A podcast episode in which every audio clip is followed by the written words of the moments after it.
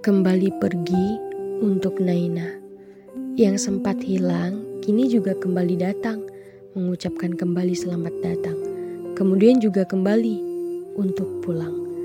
Kau pernah ucapkan bahwa suatu hari nanti kau akan kembali bertemu padaku.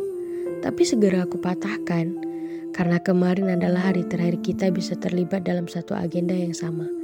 Pada akhirnya, harap yang aku bangun sebagai Naina dari awal cerita tidak lagi terlalu menggantungkan padamu. Sebab masih ada harap yang mesti aku labuhkan pada tempat yang semestinya. Siapa lagi kalau bukan kepadanya, Sang Maha Pemilik segalanya.